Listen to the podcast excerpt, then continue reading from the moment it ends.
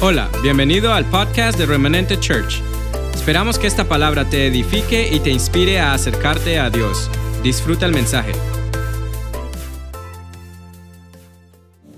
Graças.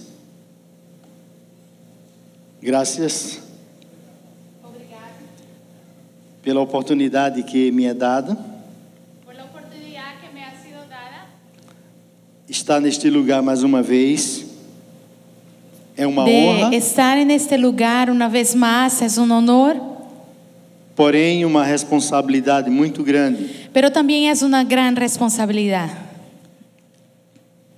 Eu louvo a Deus Yo alabo al Señor por tudo que o Senhor tem feito neste lugar. por todo lo que Dios ha hecho en este lugar. E eu tenho certeza que Ele fará muito mais. Y yo estoy seguro que Él hará mucho más. Porque aqui nesta casa há uma liberdade, Porque aquí en esta casa hay libertad, mas há uma liberdade do espírito. pero hay una libertad en el espíritu. E se você verdadeiramente Y si tú de verdad entrar nesta liberdade do espírito, entras en esta libertad del espíritu, Tu experimentarás tú has de experimentar algo que jamais algo que jamás ouvido ouviu, oído a oído, algo que jamais algo que jamás olho viu, ojo ha visto, algo que jamais algo que jamás passou na mente humana. ha pasado en la mente humana, O que Deus tem preparado lo que Dios ha preparado para aqueles para aquellos que mergulham que sumergen neste rio do Espírito. en este río del Espíritu. Louvado seja o nome do Alabado Senhor. sea el nombre del Señor. Nesta manhã, En esta mañana, Deus me deu uma palavra el Señor me dio una palabra para você. para ti. Não foi para quem está em casa. Diga, No fue pra para está em quien está todavía en casa. Diga, no fue para quien está en casa. casa. Foi para você. Fue para ti. Mas foi também para aquele que está assistindo. Pero también fue para aquel, aquel que está mirándonos por internet. Deus é tremendo Dios es tremendo e ele não perde a oportunidade y Él no pierde la oportunidad de falar aquilo de hablar aquí que ele deseja falar. lo que Él desea hablar. Louvado seja o nome do Alabado sea el nombre del Senhor. Señor. Fiquemos de pé. irmãos. Vamos a ponernos de pie, por favor. Abramos a palavra de Deus Vamos a abrir la palabra de Dios em João, capítulo 3. en Juan capítulo 3. Nós vamos ver dos versos 1 Y vamos a leer a partir del verso 1 até o verso 8. hasta el verso 8. João 3, Juan capítulo 3, do verso 1 ao del verso, verso 8. 1 al verso 8. Leiamos. Leamos. Había un hombre de los fariseos que se llamaba Nicodemo, un principal entre los judíos. Este vino a Jesús de noche y le dijo, Rabí, sabemos que has venido de Dios como maestro, porque nadie puede hacer estas señales que tú haces si no está Dios con él.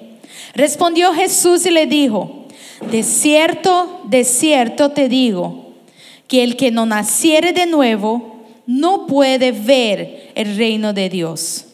Nicodemo le dijo, ¿cómo puede un hombre nacer siendo viejo? ¿Puede acaso entrar por segunda vez en el vientre de su madre y nacer? Respondió Jesús, de cierto, de cierto te digo que el que no naciere de agua y del Espíritu no puede entrar en el reino de Dios. Los- lo que es nacido de la carne, carne es, y lo que es nacido del Espíritu, Espíritu es. No te maravilles de que te dije, os es necesario nacer de nuevo. El viento sopla de donde quiere y oyes su, o su sonido, mas ni sabes de dónde viene ni a dónde va. Así es todo aquel que es nacido del Espíritu.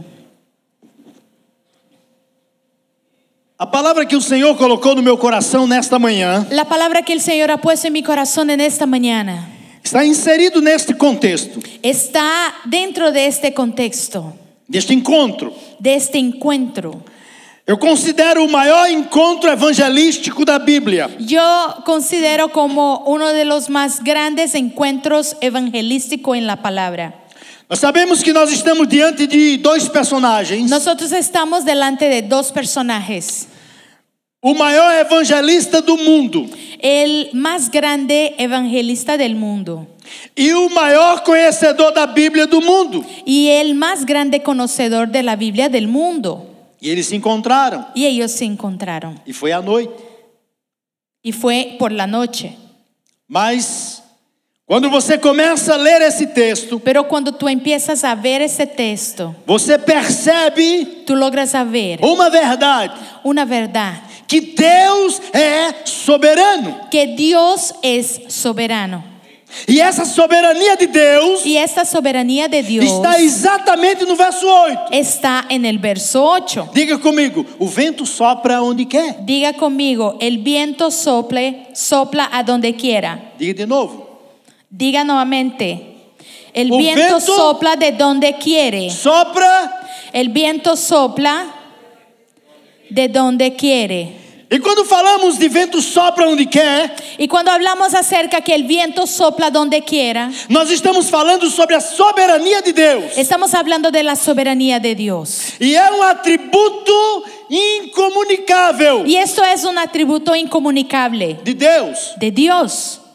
Por que é um atributo incomunicável? ¿Y por qué es un atributo incomunicable? Porque somente Deus, Porque solamente Dios, Pai, el Padre, Deus Filho Dios Hijo e Deus Espírito y Santo Dios Espíritu Santo tem esse atributo. tiene este atributo. Por isso é incomunicável. Y por eso es incomu- incomunicable. Porque existem atributos Porque hay atributos de Deus de que Dios são que comunicáveis. son comunicables. E os atributos de Deus comunicáveis, Y los atributos de Dios comunicables, ele nos transfere. Él nos transfiere. Ele nos transferiu Él ya nos transfirió. e ele nos transferirá. Y Él también transferirá. E tem algum exemplo. Y hay ejemplos. Mas eu quero que você detenha-se um pouco Pero eu sobre quero- esta expressão. O vento sopra onde quer. Pero yo quiero que tú te detengas en esta expresión. El viento sopla donde quiere. Feche os olhos. Cierra tus ojos. Vamos orar. Oremos. Pai, Padre, neste momento, en este momento, louvamos o teu nome alabamos tu nombre. por tua presença por neste tu este lugar. presencia en este lugar. Louvamos o teu nome Alabamos tu nombre. porque o ambiente está preparado, Porque el ambiente está listo. está propício está para propicio a tua palavra para tu ser palabra semeada ser sembrada em cada en coração. cada corazón. Portanto, nesta hora, Y por eso en este Nós momento repreendemos nosotros reprendemos toda ave de rapina toda ave de rapina que queira porventura que quiera roubar robar a semente la semilla que está sendo plantada que está siendo plantada nesta boa terra. en esta buena tierra. Então, na autoridade do nome de Jesus, y entonces en la autoridad del, el no- del nombre de Eu Jesús, repreendo yo reprendo toda e qualquer inferência toda y cualquier interferencia do inimigo del enemigo sobre as mentes, s- eh, sobre las mentes trazemos cativo y llevamos cautivo ao al conhecimento conocimiento pleno pleno da palavra do de la Senhor palabra del Señor cada vida cada vida que está sendo que está siendo alcançada alcanzada nesta hora. en esta hora em nome de en Jesus. el nombre de Jesús En nombre de Jesús. en el nombre de Jesús Podeis assentar, queridos. puedes tomar tus asientos Na Bíblia sempre você vai encontrar y en la Biblia tú siempre vas a encontrar referência ao Espírito Santo referencias del Espíritu Santo como vento. como viento. E nesta manhã Y en esta mañana eu quero aproveitar esta, esta palavra yo quiero aprovechar esta palabra para trazer verdades para traer verdades que estão inseridas nesse contexto. que están inseridas en este contexto. Louvado seja o nome do Senhor. Alabado sea el nombre del Señor. Eu poderia perguntar para você Yo podría preguntarte, quem é o Espírito Santo para você? ¿quién es el Espíritu Santo para ti? E você pode dizer para mim: Y tú me puedes O responder. Espírito Santo é uma força ativa de Deus. El Espíritu Santo es una fuerza activa de Dios. O Espírito Santo é um vento. El Espíritu Santo es un viento. O Espírito Santo é um poder. El Espíritu Santo es poder. É um vento forte. Es un viento fuerte. Cada pessoa com certeza terá uma, uma expressão, uma palavra para definir o Espírito Santo. Cada persona de verdad va a, tendre- va a tener una, una forma de definir al Espíritu Santo. Mas, queridos, Pero queridos, o Espírito Santo el Espíritu Santo é Deus. es Dios. O Espírito Santo El Espíritu Santo não é a terceira pessoa da Trindade. no es la tercera persona de la Trinidad. Porque quando se fala em terceira pessoa, Porque cuando se habla de tercera persona, se diminui. se disminuye.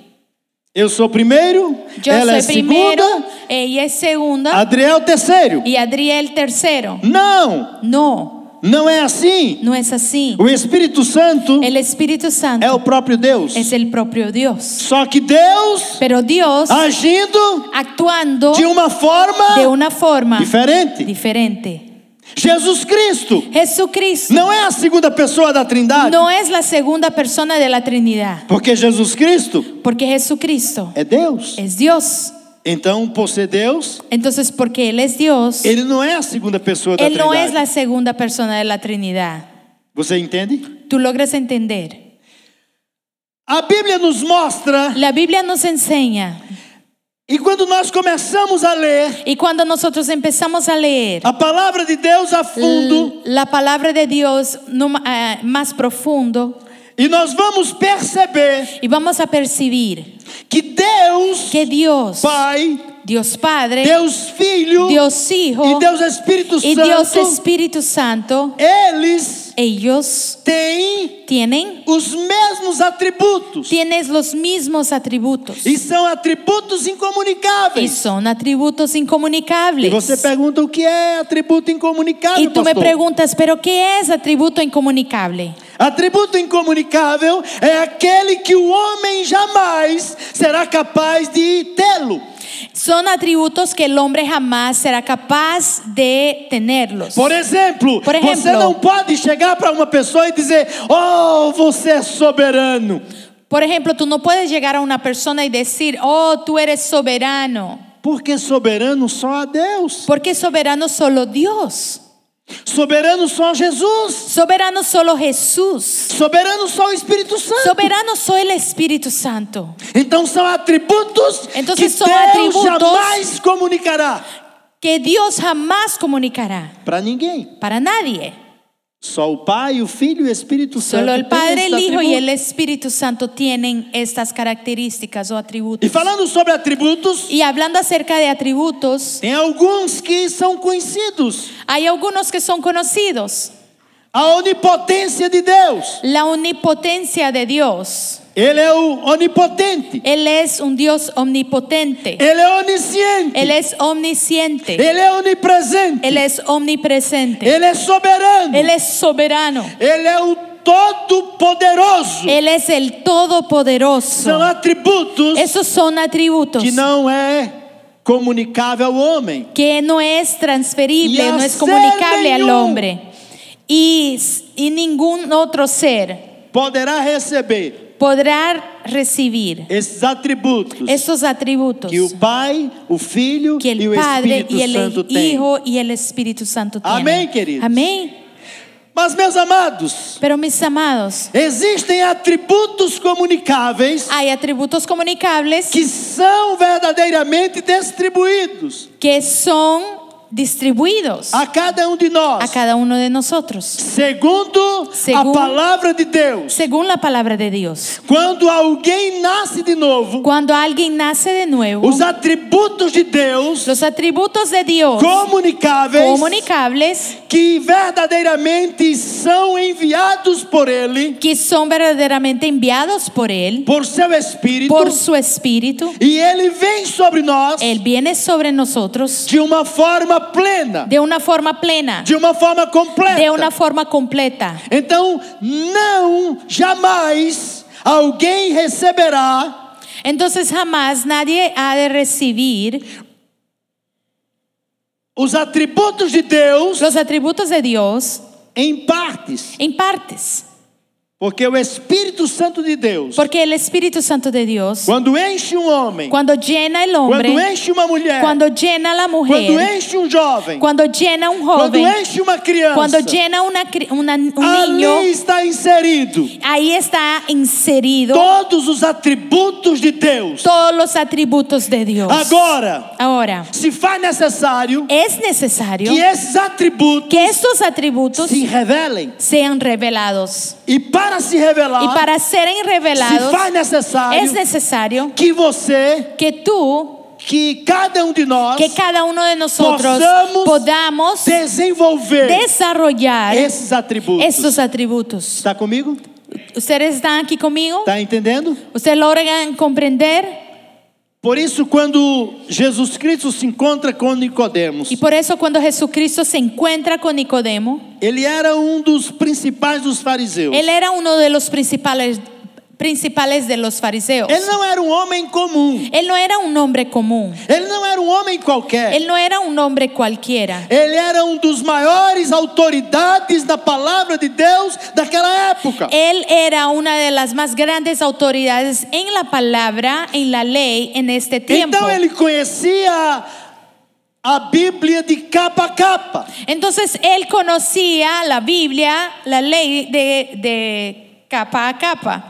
Todos os termos Todos los términos Griegos, griegos, hebraicos, he- hebraicos, Koiné, koiné, toda a língua em que Toda a Bíblia la foi língua, escrita, toda- ele conhecia. todas las lenguas en que la Biblia estaba escrita, él lo conocía. Mas ele estava preso Pero él estaba atado a uma religião. a una religión. Por isso, E o por Evangelho isso, é do Senhor Jesus El Cristo Evangelio de Jesucristo não é uma religião. no es una religión, Porque o Evangelho do Senhor Jesus porque é el Cristo Evangelio de Jesucristo veio vino para nos libertar para liberarnos das ataduras, de las ataduras, das amarras de las amarras da religião. de la religión. Louvado seja o nome Alabado do Senhor. sea el nombre del Señor. Por isso,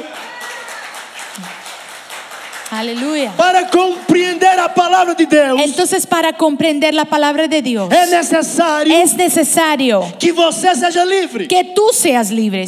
libre. E, portanto, y por eso por maior conhecimento que o homem tenha, Por más grande o más alto conocimiento que el hombre pueda tener, se ele não tiver livre si él no es libre dos princípios de uma religião, de los principios de la regili- ele rel- jamais religión, compreenderá él jamás ha de comprender o Um plano de Deus para a sua el vida. plan de Dios para su vida. Por isso eu louvo a Deus Y por eso yo alabo a Dios, por essa igreja, por esta iglesia, porque ela veio com um propósito porque ella vino con el propósito de tirar as ataduras, de sacar las de ataduras, tirar as amarras de quitar las amarras das religiões de la religión. e todos os dogmas y todos los dogmas, que dogmas faz com que você que hace con que tú não compreenda no logres a o que comprender está por trás da letra, lo que está por detrás de la letra, porque a letra mata, porque la letra mata, mas o espírito pero el espíritu vivifica. vivifica. Louvado seja o nome do Amén. Senhor. Aleluya. Então o Senhor Jesus Cristo Entonces el Señor não Jesucristo estava diante de um homem qualquer. no estaba delante de un hombre cualquiera. O homem era tão, mas tão influente na sociedade El hombre era tan influente en la sociedad que ele foi às escondidas ter com Jesus. que él fue hacia Jesús escondido. Porque Jesus Cristo não surgiu Porque Jesucristo no salió da escola profética da de, época. las- de la escuela profética del tiempo. Jesus não surgiu Jesús no surgió do meio dos del fariseus, medio de los fariseos, nem dos saduceus, ni de los saduceos, nem dos religiosos da época. ni de los religiosos de la época, de Ele este veio tiempo. para quebrar Él todo o protocolo. vino para romper con todo protocolo. Por isso, aí está inserido Y es a é por eso soberania de Deus. que ahí está inserida la soberanía de O vento Dios. sopra El viento sopla onde quer. a donde quiere. O vento sopra El viento sopla onde quer. a donde quiere. E aí, aquele homem começa a perguntar: Y entonces este hombre empieza a preguntar, Mestre, maestro, sabemos que és mestre vindo da parte de Deus, nosotros sabemos que tú eres maestro, que veniste en la parte de Dios, porque ninguém pode fazer os sinais que tu fazes se Deus não estiver com ele. porque nadie puede hacer las señales que tú haces si Dios no está con él. Este homem sabia o que estava falando. Este hombre sabía lo que él estaba Ele hablando, conhecia todos Ele conhecia. os princípios da lei. los principios de la ley. E aí, Jesus vai direto ao assunto. Y entonces Jesús va directo al punto. Jesus vai direto à necessidade de cada um. Jesús va directo a la necesidad de cada uno. Porque Jesus sonda os corações. Porque Jesús sonda los E Ele corazones. sabe as intenções Y que Él há no coração de sabe cada um las de nós. intenciones que hay en cada uno de nosotros. E Ele disse, olha, Y Él dice, mira, se alguém não nascer de novo, si alguien no ha nacido de nuevo, no, não nace de pode nuevo, ver no puede ver o reino de el Deus. reino de Dios.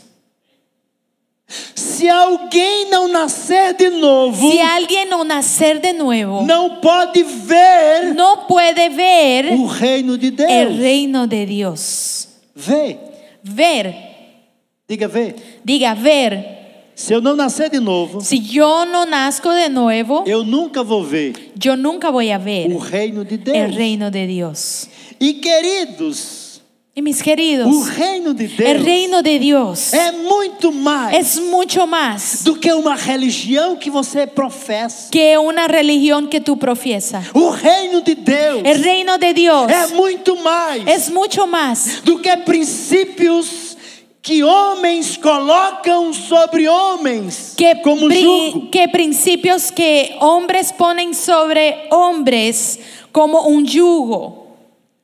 O reino de Deus El reino de Dios é algo muito mais profundo. es algo aún más profundo. Por isso o homem pode passar toda a sua vida Y por eso el hombre puede pasar toda su vida professando uma religião, profesando una religión, mas se ele não nascer de novo, pero si él no nacer de nuevo, ele jamais se entenderá él jamás va a en- comprender a essência la esencia do plano de Deus del plan de Dios para a sua vida. para su vida. Louvado seja o nome do Senhor. Alabado sea el nombre del Porque Señor.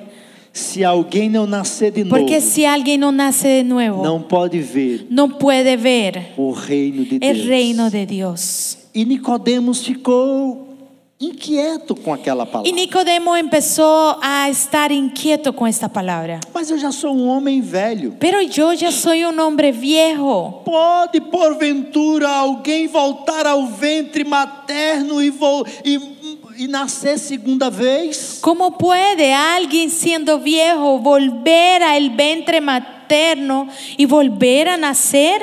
Você veja, queridos, que o homem que não vê o, não vê o reino de Deus, Tú logras saber, querido, que el Él hombre es cuando no capaz de ve el hacer- reino de Dios, él es capaz de hacer até uma interpretação errônea hasta una mala de um interpretación princípio bíblico. de un principio bíblico.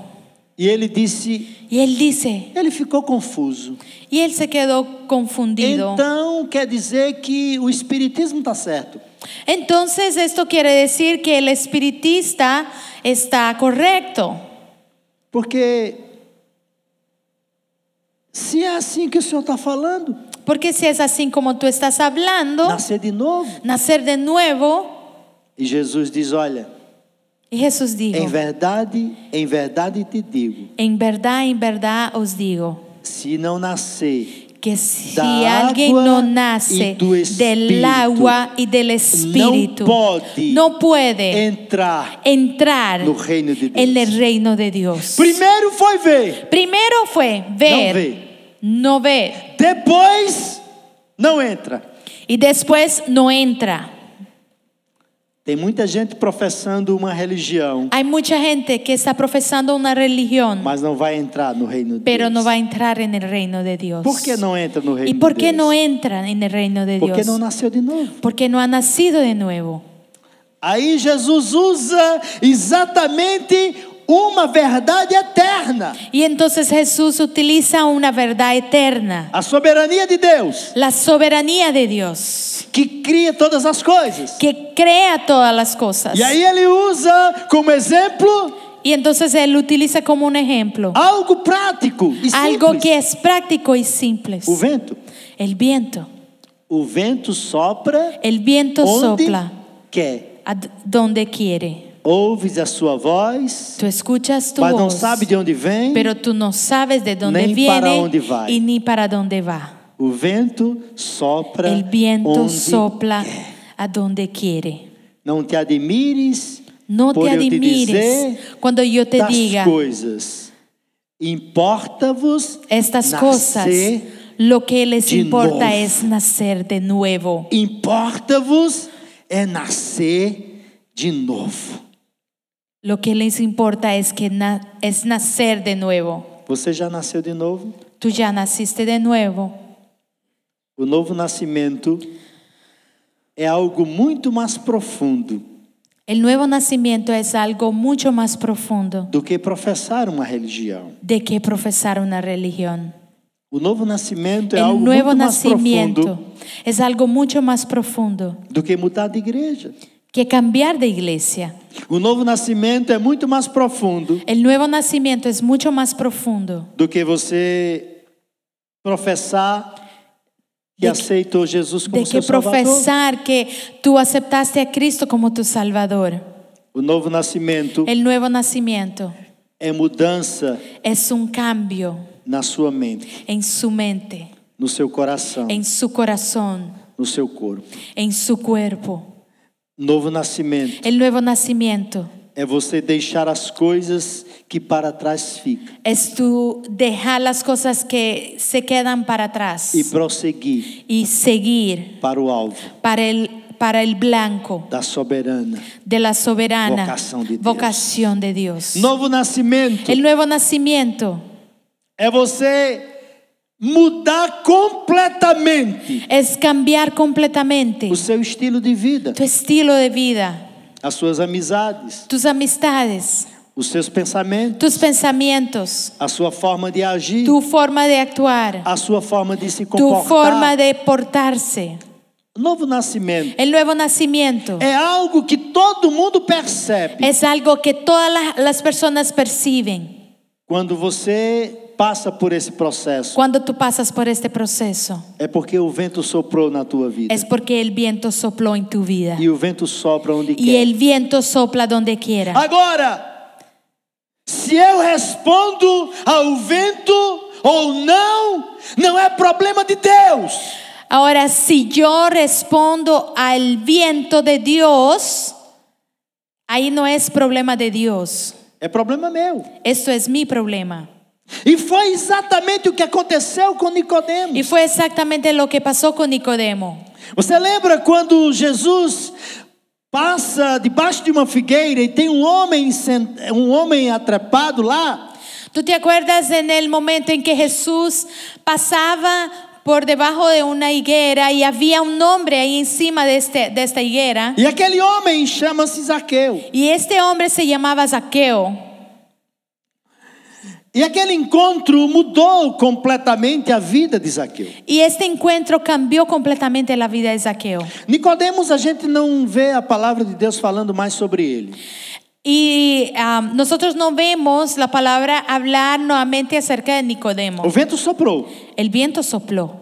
Jesus mostrou para ele qual era o seu problema. Jesús le enseñó cuál era su problema. Mas ele tinha uma escolha: Pero él tenía una, una, Él una podría- decisión. Él podría ter Deixado que aquela palavra de Jesus entrasse no seu coração, haber dejado con que la palabra de Jesús entrara en su corazón e ele poderia ter nascido de novo naquele momento. y él podría haber nacido de nuevo en este momento. Mas talvez a religião não lhe deixou ver Pero tal vez la religión no le dejó ver o reino de Deus el reino de que Dios estava ali, que estaba ahí, presente ahí na presente pessoa de Jesus, en la persona de Jesús, dizendo: Olha, Nicodemos, diciendo, mira Nicodemo, você precisa nascer de novo. tú necesitas nacer de nuevo, Quando você nascer de novo, porque cuando tú nazca de nuevo, você vai ser verdadeiramente tú vas a ser verdaderamente um servo do Senhor. un siervo del Señor. E tu vais poder não somente ver Y tú vas a poder no solamente ver o reino de Deus, el É reino de Dios, mas tu vai entrar pero tú vas a poder no entrar reino de Deus. en el reino de Dios. Porque o reino de Deus Porque el reino de Dios está entre nós. está entre O nosotros. reino de Deus El É reino de Dios. tem soprado. Perdón. O reino de Deus El É reino de Dios tem soprado ha soplado nas vidas, en las vidas, nos corações, en los nas corazones, pessoas, en las personas, nesse último tempo. en estos últimos E Deus tiempos. tem pressa Dios tiene prisa em preparar en preparar um povo un pueblo que não somente que vai no Eh. solamente va evangelizar a evangelizar através do seu testemunho, a través de su testimonio, mas que irá também pero que también va a influenciar influenciar muitas vidas muchas vidas para a glória de para Deus. la gloria de Dios. E você Y tú está no lugar certo, estás en el lugar correcto. porque o reino de Deus Porque el reino de Dios está soprando está na soplando sua vida. en tu vida. E eu creio Y yo creo que Deus quer que Dios que quiere você, que tú, que a minha vida que mi vida seja impactada, Ah. sea impactada pelo poder do evangelho, por el poder del pelo poder Evangelio, desta graça. por el poder de Pelo esta poder gracia, do Senhor Jesus por el poder Cristo. del Señor e o Jesucristo. Espírito Santo Y el Espíritu tem a Santo liberdade tiene la libertad necessária necesaria para fazer de você, para hacer de ti, para fazer de mim, para hacer de um mí verdadeiro un verdadero instrumento, instrumento para o louvor da sua para la glória. alabanza de su E é gloria. isso que Jesus quer. Y es esto que Jesús Y es esto quiere. que el Espíritu Santo y es quiere. esto que el Espíritu Santo Porque quiere. o vento está soprando. Porque el viento está soplando. O vento está soprando el viento aqui. está soplando aquí. O vento está soprando el viento nesta está igreja. soplando O en esta vento está iglesia. soprando na el liderança viento desta está igreja. soplando en O el vento está liderazgo de esta soprando iglesia. neste país. El viento está soplando en este O país. vento está soprando el no viento Brasil. está soplando en O Brasil. vento está soprando na Colômbia. El viento está soplando en la O vento Colombia, está soprando em El Salvador. en El Salvador, Na Guatemala. en Guatemala, No Chile. en el Chile, No Peru. en el Pe- no Perú, México. en México, Todos os países en aqui todos los países americanos. aquí o americanos vento está representados, soprando. el viento E está vidas soplando, Estão sendo impactadas. E vidas estão sendo Vidas são- impactadas. Estão sendo transformadas. están siendo Vidas estão transformadas. sendo transformadas pelo poder do Espírito Vidas están Santo. siendo transformadas por el poder del Espíritu Jesus Santo. Cristo, Y Ele Jesucristo. conta. Él, co- él cuenta, Não com os anjos. no con los ángeles. Ele conta. Él cuenta, Não com os serafins. no con los serafines. Não com os querubins. No lo- con los querubines, Não com os arcanjos. no con los arcángeles. O Espírito El Santo de Espíritu Deus Santo de Dios foi derramado fue derramado sobre a minha e sobre a tua vida. mí, y, eh, sobre tu vida y, y sobre mi vida, Para que eu e você, para que yo y Marque tú podamos a minha geração, marcar nuestra generación. a nossa geração, nuestra generación, precisa ser marcada nuestra generación necesita ser marcada pelo poder do Espírito por el Santo. poder del Espíritu Santo. Espíritu Santo Y el Espíritu Está Santo completo. está na sua completo vida. en tu vida. Não precisa pedir a Deus Tú no necesitas pedir a Dios poder. poder. Tu não precisas pedir Tú a no Deus necesitas pedir a Dios unção. unción. Tu não precisas pedir a Tú no Deus necesitas pedir a Dios capacitação. capacitación. Porque Ele já te deu. Porque Él ya te ha dado. Sabe por que Ele já te deu? Tú sabes por qué Él ya te dio. Porque o Espírito de Deus desceu sobre você. Porque el Espíritu de Dios ya decido sobre Em ti. Efésios capítulo 1 En Efesios capítulo 1, e verso 13, verso 13, Está escrito. está escrito que o Senhor já tem verdadeiramente derramado o seu Espírito. que el Señor verdaderamente ya derramó de su Já espíritu. selou-nos com seu Espírito. Ya nos ha sellado con su Porque nós espíritu. o aceitamos. Porque nosotros lo Porque nós recibimos. cremos nele. Porque nosotros Porque nós o creímos de Él. recebemos. Porque nosotros somos de Él. Então por que você não está impactando? Y entonces, ¿por qué tú no estás impactando? O que me impressionou no batismo de, de Catarina Lo que me impresionó en el bautismo de mi nieta Catarina, cinco anos. ella tiene cinco años, E nós estávamos no Rio. y nosotros estábamos en el río. E na hora do batismo, o pastor convidou para que eu fizesse.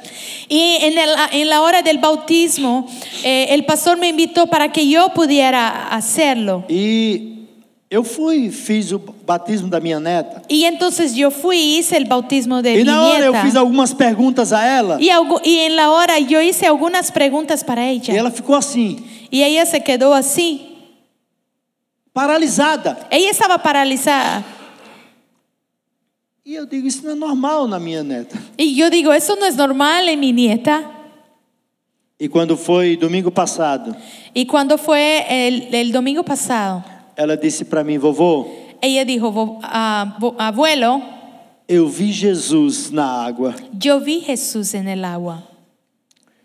Na hora que o Senhor me fez aquelas perguntas lá no rio, Cuando tú me preguntabas en quando eu el río, estava sendo batizada, cuando estaba siendo bautizada, Jesus apareceu na água ali para mim. Jesús apareció en el agua para mí. Queridos, Deus tem pressa. Mis em queridos, preparar Dios uma tiene prisa geração en preparar una generación Para impactar a sua para geração. impactar su generación. Você precisa entender isso. Tú necesitas entender esto. Nós estamos vivendo a última hora. Estamos viviendo la última hora. O relógio de Deus está chegando ao fim. El reloj de Dios está llegando al final. Eu não sei se você se dá conta do que tem acontecido em volta do mundo. Yo no sé si tú te das cuenta de lo que está sucediendo alrededor del O mundo. mundo todo está se preparando para a Terceira Guerra Mundial. Todo el mundo se está s- preparando para la tercera guerra mundial. E a igreja do Senhor Jesus Cristo precisa se aperceber Y la iglesia del Señor Jesucristo tiene que de percibir que o vento está soprando nesta geração. que el viento está soplando en esta generación. Jesus Cristo, Jesucristo, quando ele mostra para Nicodemos cuando le enseña a Nicodemo essa verdade, esta verdad, ele estava dizendo: "Olha él Nicodemos, estaba diciendo, mira Nicodemo, se você não nascer de novo, si tú no naces de Você não nuevo, vai ver o tú reino no de vas Deus. a ver el reino de E Dios. quem não ver o reino de Y Deus quien no ve el reino de Dios passa a vida inteira pasa toda la vida sem enxergar sin percibir, sin ver gloria. la o gloria, poder, el poder, a majestade, la majestad, os milagres, los a milagros, soberania, la soberanía, o amor, el amor, a infinita la graça infinita que gracia Deus tem. que Dios Para tiene cada um de para nós. cada uno de nosotros. Não, não fique, amado, Mi amado, no se quede Satisfeito. satisfecho com essa vida con esta medíocre, su vida mediocre, sem produtividade, sin productividad, sem influenciar as pessoas, sin influenciar las personas, sem motivar as sin pessoas a Jesus. motivar las personas hacia Jesús.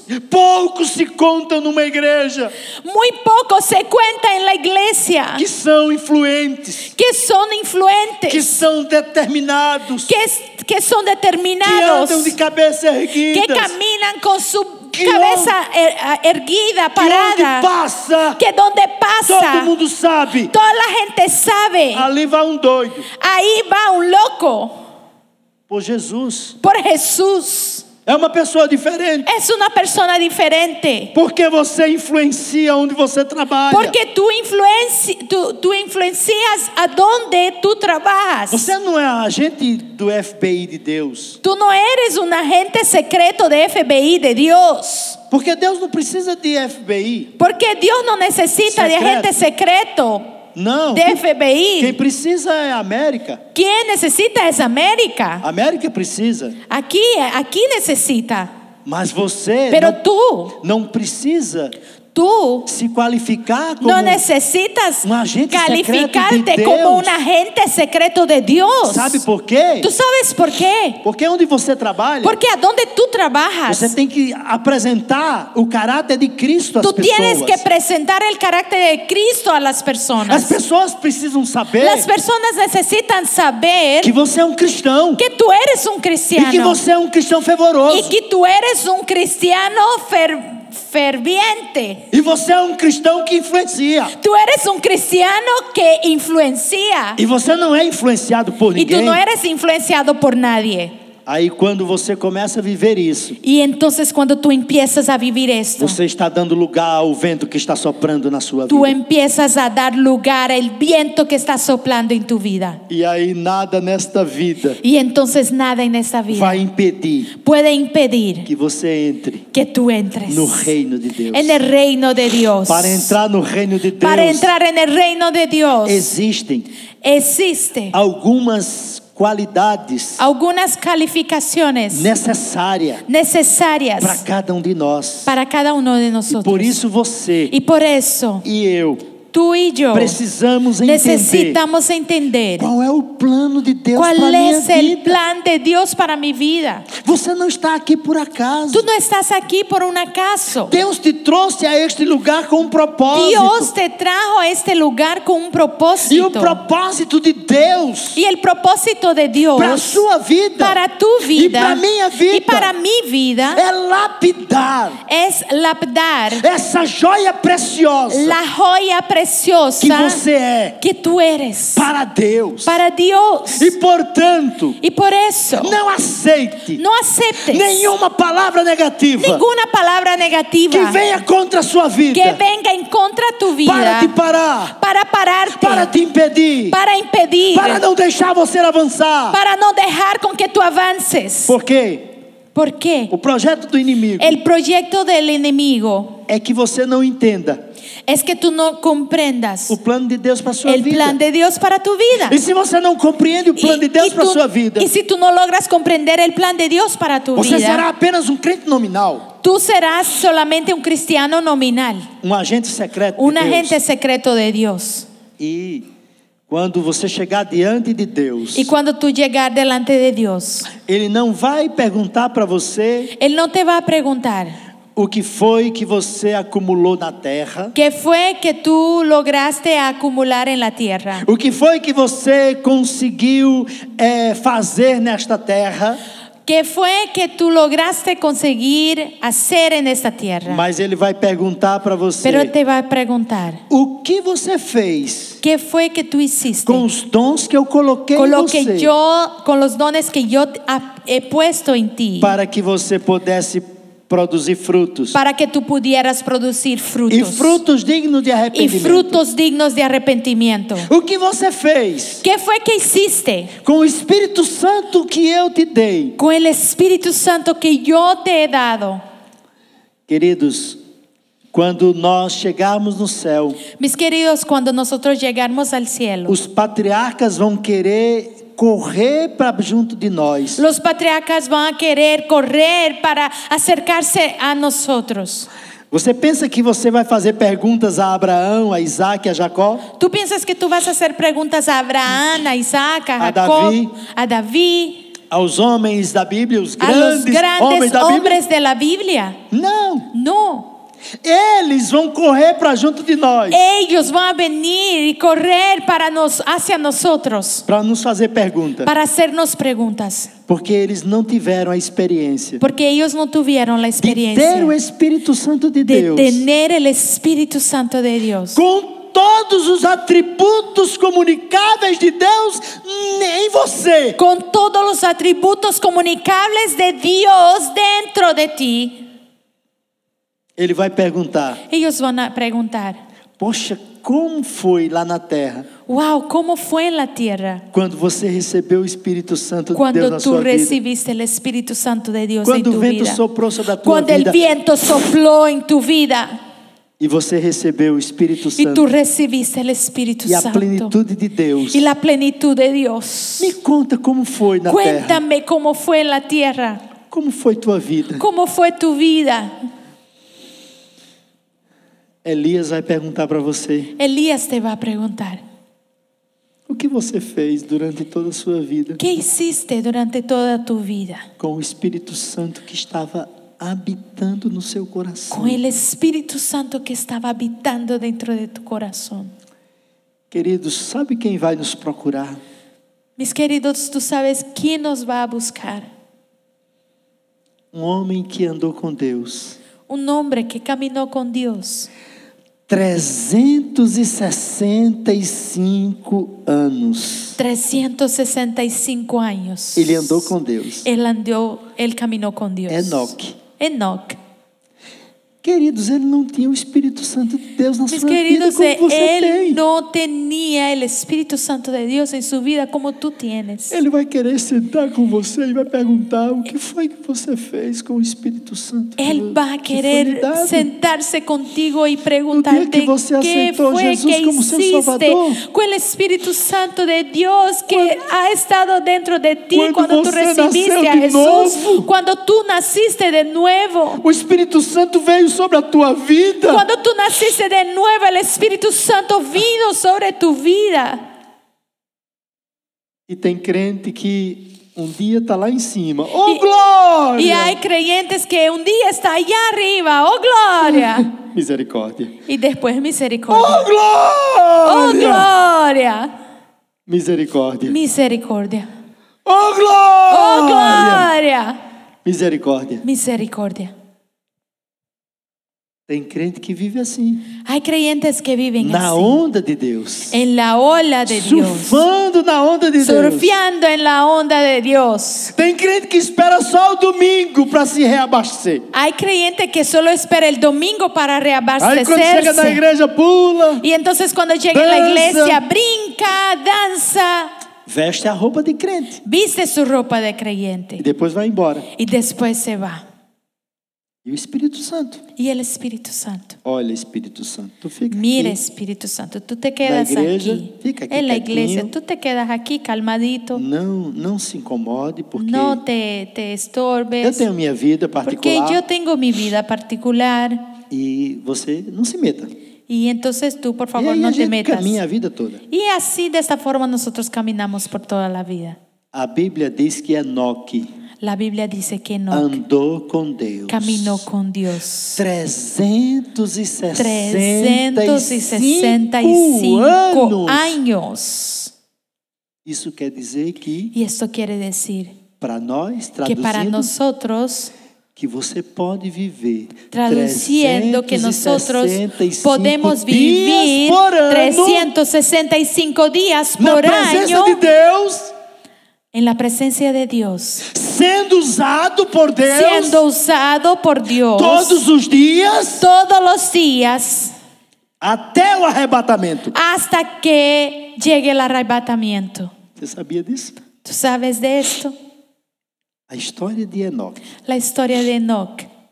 Se você ler a Bíblia do no Gênesis, Si tú lees la Biblia en do Génesis, capítulo 1 del capítulo 1 ao capítulo 9, al capítulo 9, Ah. ali está ahí está toda a Bíblia. toda la O Biblia, resumo da Bíblia un resumen de la está Biblia em Gênesis, está en do Génesis, capítulo 1 del capítulo 1 ao capítulo al 9. capítulo 9. O resumo da Un Bíblia. resumen de la Biblia. Ou seja, Deus fez Entonces Dios hizo com que Moisés con que Moisés escrevesse escribiera Gênesis Génesis contando toda a escatologia da Bíblia contando toda la escatología de la Biblia em nove capítulos. en estos nueve Se capítulos. você lê somente Gênesis, Si tú de lees 1 ao 9, solamente Génesis del 1 al 9, você leu toda a Bíblia. tú has leído toda la Ali está o Biblia. resumo de Ahí toda a está Bíblia. el resumen de toda la Biblia. Há um propósito em tudo isso. Hay un propósito en todo esto. Deus quer Dios quiere que sejamos que seamos porta-vozes portavoz do céu. del cielo. Deus quer Dios quiere que sejamos que seamos instrumentos instrumentos para a sua glória. para su gloria. Deus quer Dios quiere que sejamos que seamos verdadeiros verdaderos instrumentos instrumentos do Espírito Santo del de Deus. Espíritu Santo de Dios. E portanto, Y por eso, a partir de hoje, a partir de hoy, coloque um propósito no seu coração. ponga um un propósito en tu corazón. Vou abrir a minha boca. Voy a abrir mi boca. Vou anunciar Voy a anunciar Jesus Cristo Jesucristo a tempo a tiempo e afuera de tempo. y afuera de tiempo. Misericórdia, pastor. Ay, misericordia, pastor. O senhor está dizendo que no trabalho eu tenho que estar pregando o evangelho? ¿Tú estás diciendo que en el trabajo yo tengo que estar predicando el evangelio? De jeito nenhum. No, de porque ninguna você não forma. é, Porque tú no eres, você não é porque no eres, de jeito nenhum pago que tú no eres pa- seu trabalho pagado, tú no, tú, pra tú no pregar o eres evangelho. pago para predicar el evangelio en tu trabajo. Você pode pregar o evangelho Tú puedes predicar el quando evangelio você entra na companhia que você trabalha. cuando tú entras en la compañía que tú trabajas. Você pode pregar o evangelho Tú puedes predicar Quando el você evangelio sai da companhia cuando que tú você sales trabalha. de la compañía que tú trabajas. às 8 horas de trabalho. Las 8 Às horas de 10 horas trabajo, de trabalho. o 10 horas de Às trabajo, 12 horas de las 12 trabalho. horas de trabajo. Você tem 12 horas, ou 10 horas, 8 Tú horas tienes 12, 10, 8 horas para pregar o evangelho. para predicar el evangelio. De que forma, pastor? Pero ¿de qué forma, pastor? Com a minha vida. Con mi vida. É sua vida. Es tu vida, É seu comportamento. es tu É comportamiento, sua forma de se es tu comportar. forma de É sua portarse, forma de falar. es tu forma de É sua hablar, forma de, de se comunicar. es tu forma de É comunicarte, sua forma de es tu trabalhar. forma de trabajar, É a sua produtividade es tu productividad que vai chamar a atenção É que va a llamar la do seu atención patrão, de tu jefe, do seu chefe, de tu jefe, que vai chamar a atenção que va a llamar la atención dos companheiros, de tus compañeros, Que de vai trabajo, chamar a atenção. que va a llamar la de atención todos que estão em sua volta. de todos los que están E aí alrededor as pessoas tuyo. vão dizer: Y entonces las personas van a decir, Você é diferente. tú eres diferente. Já fizeram isso comigo. Ya hicieron eso conmigo. Esse velho é diferente. Este viejito es diferente. Eu disse: Sou mesmo. Y yo dije, sí, es verdad. Porque eu estou aqui não servindo a homens. Porque yo estoy aquí y no estoy sirviendo a se eu hombres. estivesse servindo a homens, Si eu, yo estava, estuviera sirviendo a hombres, emburrado. yo estaba enojado. eu estava enojado. Yo estaría enojado. Se eu estivesse servindo a homens, eu não faria o meu trabalho com excelência. Si yo estuviera sirviendo a hombres, yo no estaba haciendo mi trabajo con excelencia. Eu estou servindo a Deus. Yo estoy sirviendo a Dios. Porque foi Ele que me botou aqui. Porque fue Él que me puso Fue aquí. Él que me confió aquí. Fue Él que me confió E eh, Ele me aquí. colocou é aqui para que eu pudesse dar frutos. Y Él me puso aquí para que yo pudiera dar frutos. Quando você chega numa companhia, Cuando tú llegas en una compañía, ela pode estar em más situações. ella puede estar en malas Mas situaciones. quando aquele que tem o Espírito Santo de Deus na vida entra, Pero cuando aquel que tiene el Espíritu Santo de Dios entra, a companhia muda. la compañía com- ah, cambia. A companhia pode estar perdendo contratos. La compañía puede estar perdiendo contratos. E você descobre Y tú que descubres depois que você chega, que después que tú llegas, a confiabilidade la confianza na, co- na en companhia, la compañía, ela passa a ser diferente. ella pasa a ser É diferente. Porque tem um servo de Deus ali Porque hay un siervo de Dios que ahí faz as coisas com, com seriedade. que hace las cosas con seriedad. E aí tudo muda. Y entonces todo cambia. Aí o patrão lhe chama Y entonces el jefe llama e começa a lhe oferecer um cafezinho. y empieza a ofrecerte un cafecito.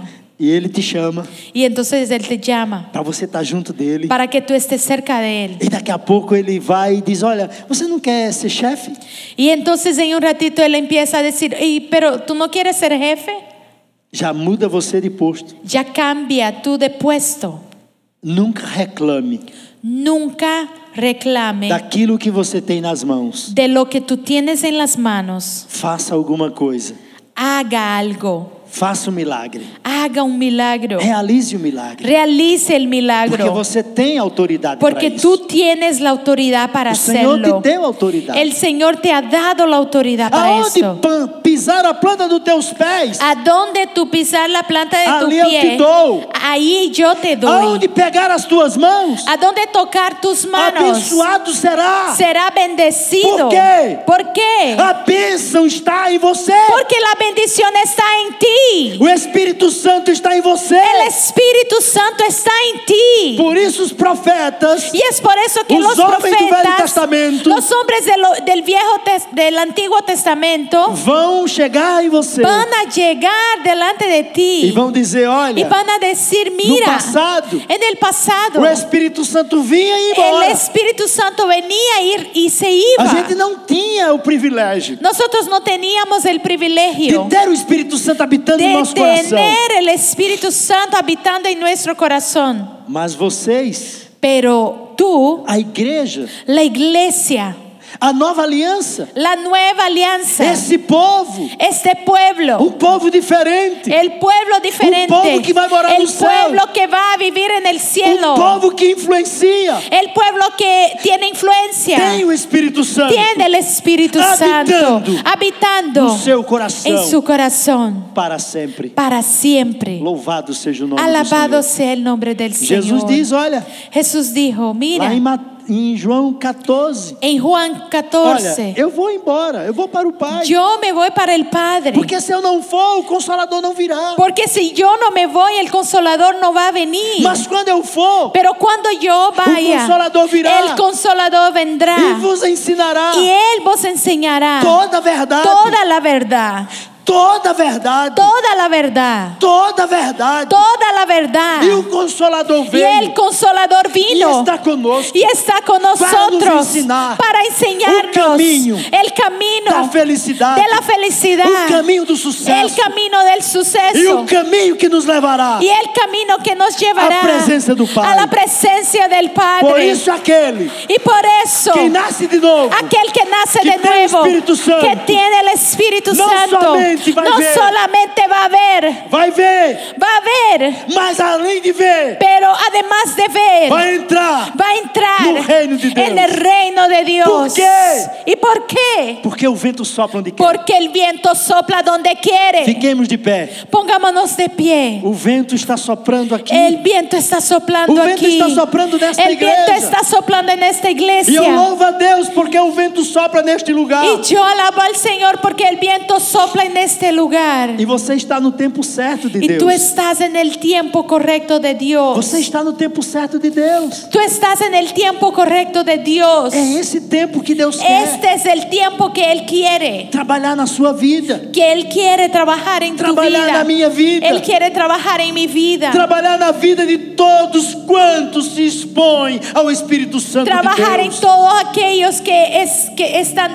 dispuestos a, y abiertos para el Espíritu Santo de Dios. Porque o vento sopra onde quer. Porque el viento sopla donde quiera. Mostra a soberania de Deus, Enseña, muestra la soberanía de Dios, mas não elimina das Pero- nossas vidas pero no elimina de nuestras vidas o direito de escolha. el derecho de decisión. Deus é soberano. Dios es soberano. Aqui está. Deus é soberano. Aquí está Dios es Mas eu sou soberano. responsável Pero yo soy por minhas responsable escolhas. por mis decisiones. Deus é soberano. Dios es soberano, Mas eu sou responsável. pero yo soy responsable aquilo por todo que eu aquello permito que yo que permito aconteça. que na suceda minha vida. en mi vida.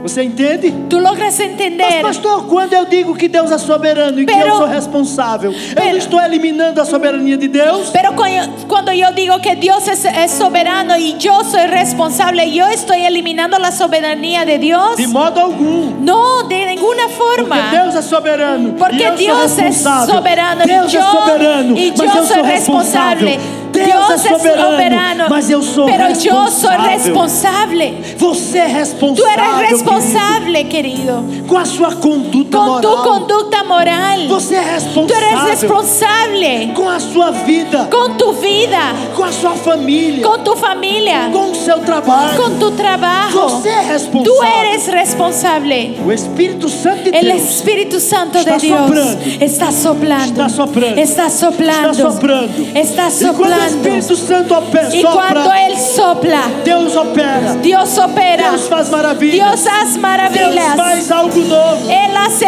Un cosas sobrenatural nuevas. de Dios El acontece. sobrenatural de Dios sucede. Mas eu preciso estar Pero yo disponível. necesito estar Eu inserido. preciso estar disponível. Yo necesito estar Eu disponible. preciso estar disponível. Yo necesito estar ao disponible. mover do Espírito al de mover Deus. del Espíritu Santo sobre de mi Dios vida. sobre mi vida. En nombre de Jesús. En nombre Levante de Jesús. as suas mãos ao céu Levante agora. tus manos en E este vamos orar ao momento. Senhor. Y vamos a orar E al vamos, Señor. Neste momento. Y en este colocar a momento nossa vida. vamos a poner diante nuestra do vida altar de Deus. delante del altar E de dizer, Dios. Senhor, Y decir, Señor, Teu vento pode soprar aqui. que el viento sople aquí. E eu não vou sair deste lugar. Y yo no voy a salir de este lugar. Eu não vou sair deste Yo no lugar. voy a salir de este lugar. Porque aqui Porque aquí, a liberdade do Espírito. aquí hay libertad en el Aqui Espíritu. o Espírito de Aquí Deus el Espíritu de Dios tem liberdade. tiene libertad. Aqui o Espírito de Aquí Deus el Espíritu de nos Dios mostra, nos nos muestra, revela nos a revela vontade do la Pai, voluntad del que Padre, é boa, que es buena, Ah, agradável, agradable, e é que es perfeita. perfecta. No nome de En el nombre de Jesus. No nome de Jesús. Jesus. En el nombre de Pai, Jesús. Padre, Neste momento, en este eu te momento louvo, yo te eu te alabo, glorifico, yo te porque glorifico, nesta manhã porque en esta mañana o teu vento tu viento sopra na vida, sopla en la vida. sopra na família, Sopla en la familia. sopra em cada pessoa Sopla en cada que persona está aqui nesta, que está nesta aquí manhã. en esta mañana. O teu vento Tu viento pode puede fazer com que nós pade- hacer con que nosotros nos coloquemos nos pongamos completamente completamente rendidos ao rendidos teu Espírito al tu espíritu para o louvor da tua glória. para la alabanza de tu e gloria que todos os atributos y que todos los atributos que estão disponíveis que están disponibles no teu Espírito en tu espíritu para minha vida, para mi vida eu quero Yo fazer quiero hacer com que eles con que ellos Actúen. É actúen no nome de en Jesus. el nombre de Jesús. Eu quero ser usado Yo quiero ser no usado trabalho. en mi Eu trabajo. quero ser Yo usado quiero ser na usado minha família. en mi familia. Eu quero ser usado Yo quiero ser para usado os amigos. eh, entre mis amigos. Eu quero ser Yo quiero um ser instrumento un instrumento para a glória para la e o gloria louvor y la alabanza transformação y la transformación de muitas vidas. de muchas vidas. No nome de Jesus. En el nombre de No nome Jesús. de Jesus. En el nombre de No nome de Jesús. Jesus. En el nombre de No nome de Jesús. Jesus. En el nombre- Esperamos que este mensaje haya sido de bendición. No te olvides de suscribirte a nuestro podcast y seguirnos en Facebook e Instagram arroba remanente church.